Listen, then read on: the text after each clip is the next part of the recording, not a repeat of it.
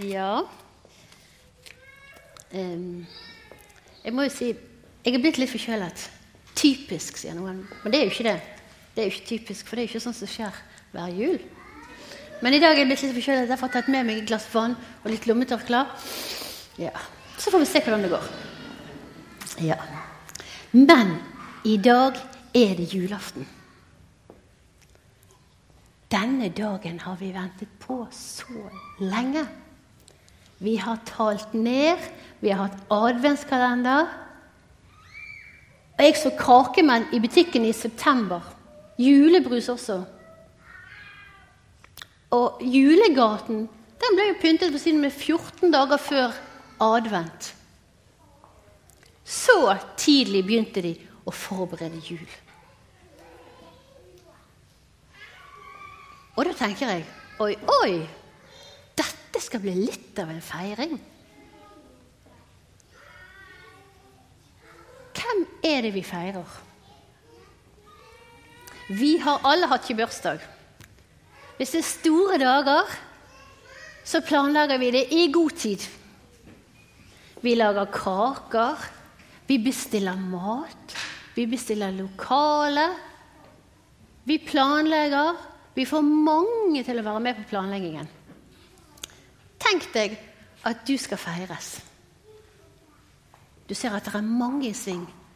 Mange som sier 'Skal jeg lage en kake til denne dagen?' Mange er med. Vi betaler for å ha et lokale som vi skal feire denne dagen din i. Og vi handler inn pynt, vi handler inn mat, blomster, lager gjerne sang. Alle gleder seg. Noen kjøper nye klær. Og du ser at dette skal bli kjekt. Alle feir, forbereder seg så godt for å feire min store dag.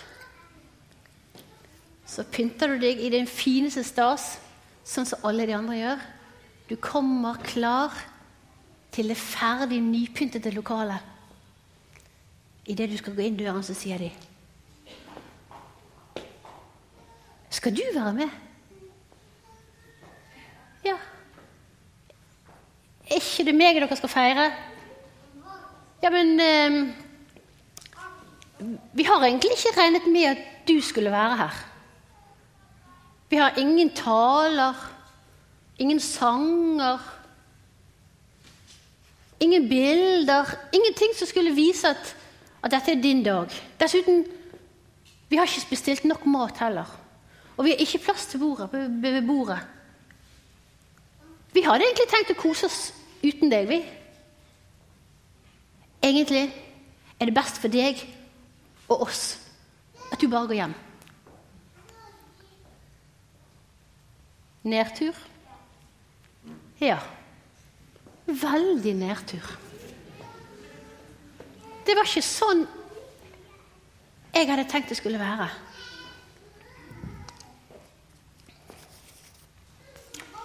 I dag skal vi feire Jesus. Tror dere han opplever sånn som jeg forklarte nå? At han kommer. Beklager. Skal du være med?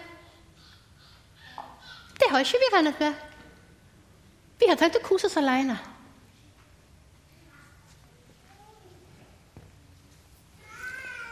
Jeg har med meg eh, tre stoler.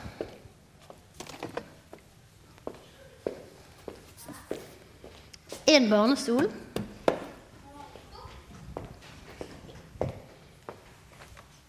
En eh, ganske grei, vanlig stol som vi alle sitter på.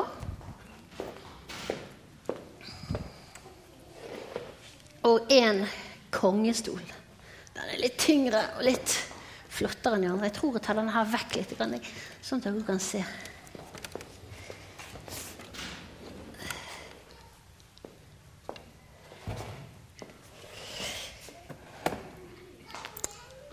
Hvilken stol skal vi plassere Jesus på? Han kan egentlig sitte på alle. Han kan sitte på den. Han kom jo som et lite barn, sant? Han kan sitte på den.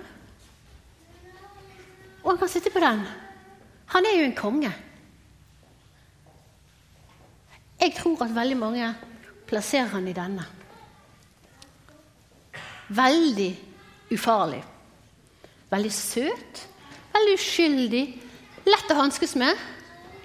Det vil si, av og til kan de være litt vanskelig, men stort sett lett å hanskes med. Jeg bestemmer.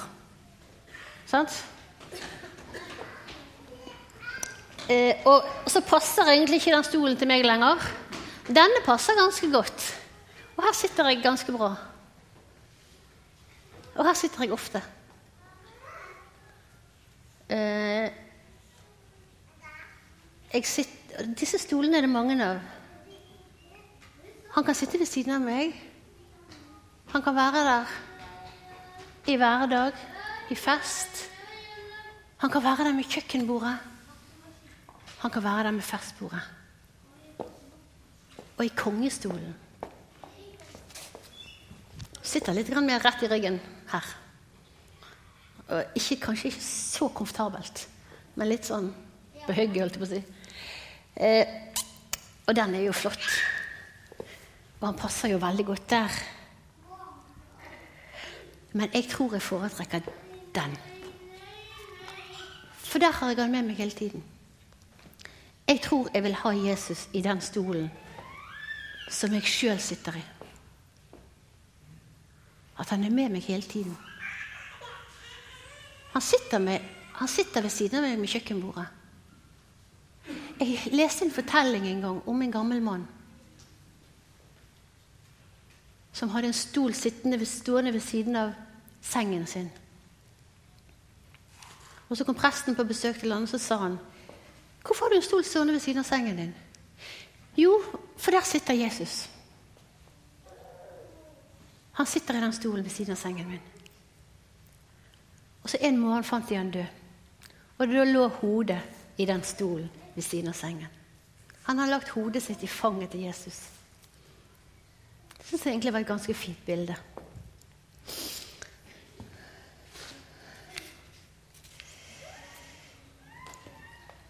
Jesus han kom den første julenatt. Himmelen feiret han med engler og stjerner. Gud han valgte å sende ut meldingen sin med englebud. Og han valgte å gi meldingen til de som var minst verd, til hyrdene. De sto ikke så veldig høyt på rangstien. De fikk meldingen.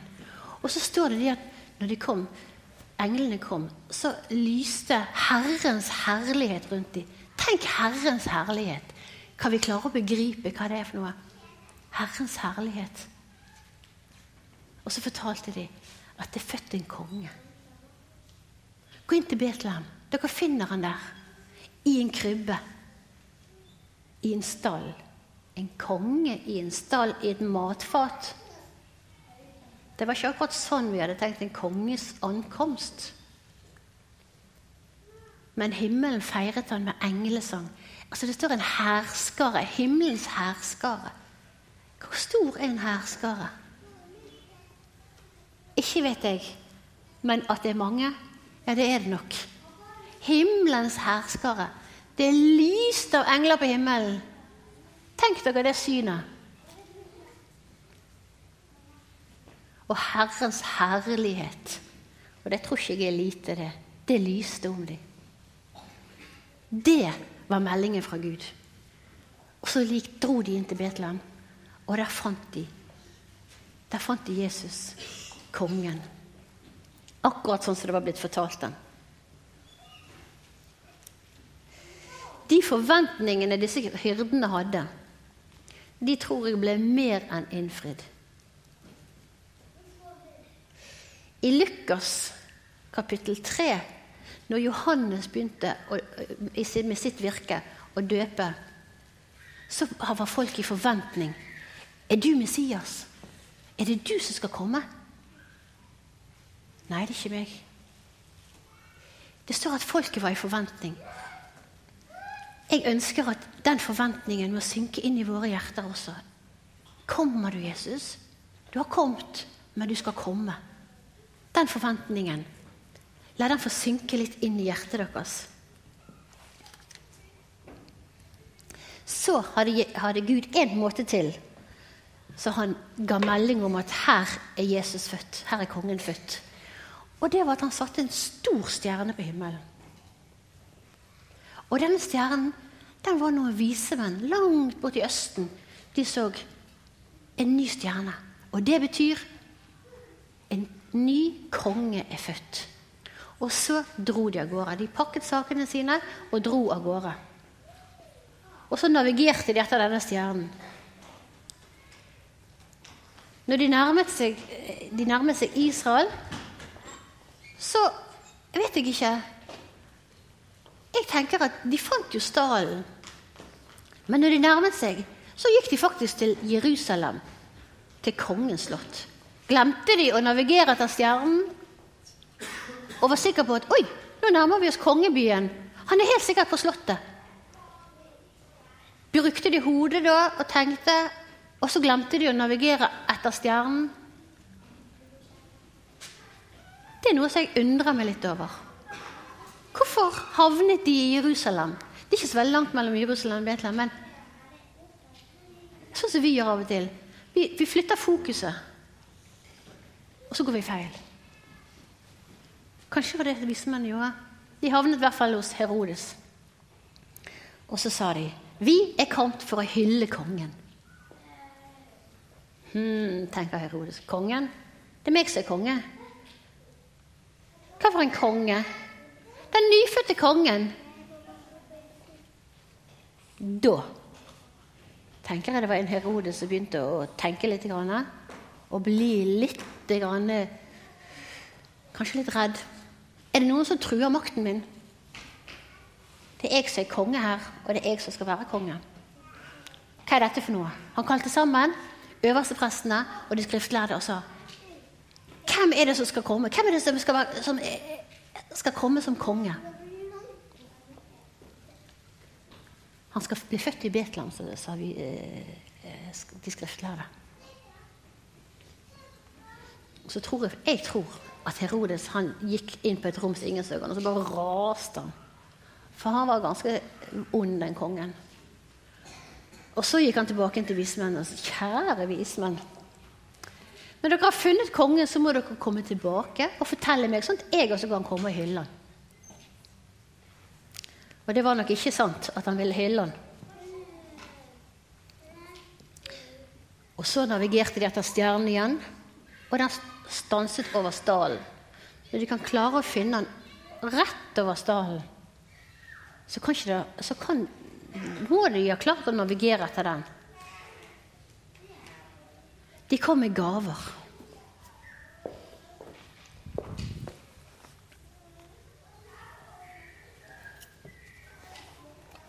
De kom med tre gaver. De kom med gull. Og de kom med røkelse. Og de kom med myrra.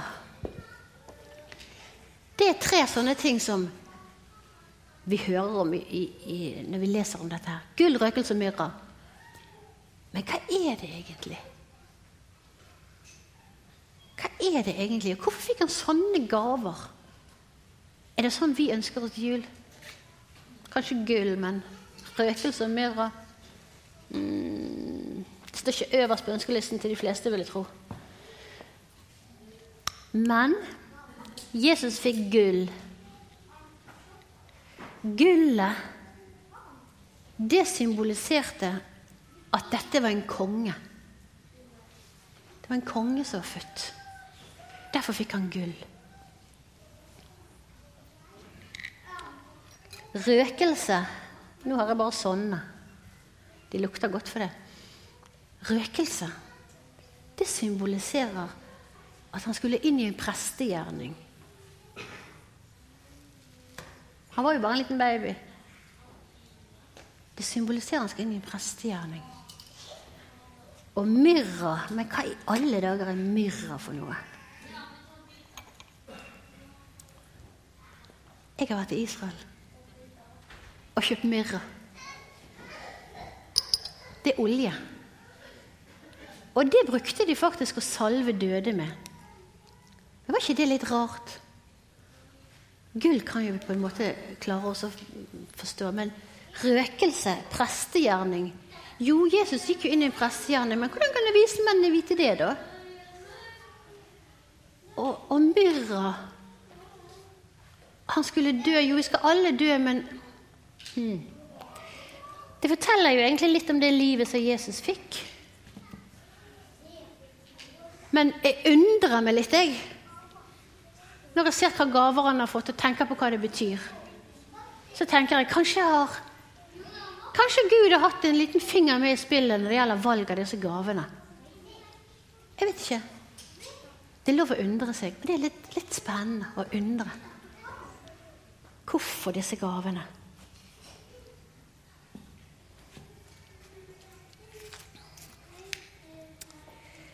Jesus han kom som et lite barn. Han var hjelpeløs som et nyfødt barn er. Men han vokste. Han vokste ut av den stolen og vokste inn i disse andre. Jeg klarer ikke å tenke jul uten å tenke påske. Hvorfor kom han egentlig? Kommer han fordi vi skal ha en sånn koselig feiring og Var det derfor han kom? Nei. Han kom fordi han måtte leve det livet som Gud visste at jeg aldri noen gang ville klare å leve. Fordi at på Guds ønskeliste der står det én ting. Der står navnet ditt. Gud har en ønskeliste, og der står navnet ditt. Og for at han skal få sitt ønske til å gå i oppfyllelse, så måtte Jesus leve det livet som jeg ikke ville klare. Og så får jeg igjen et tomt kors. Det tomme korset. Hvis jeg skal til himmelen For det er det som hvis vi skreller vekk alt dette her med, med pakker til jul Det som står øverst på min ønskeliste, det er å komme til himmelen. Og hvis jeg skal dit, så må jeg ha noe med Jesus å gjøre. Jeg kommer aldri utenom. Vil du til himmelen, så må du ha noe med Jesus å gjøre. Og vite at han har vokst. Og at han gjorde noen ting de 33 årene han var på jorden. Han laget en bro mellom oss og Gud.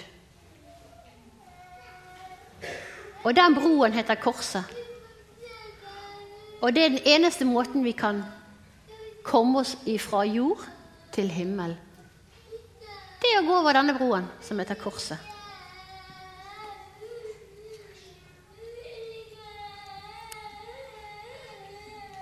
når englene eh, fikk eh, varslet hyrdene på marken,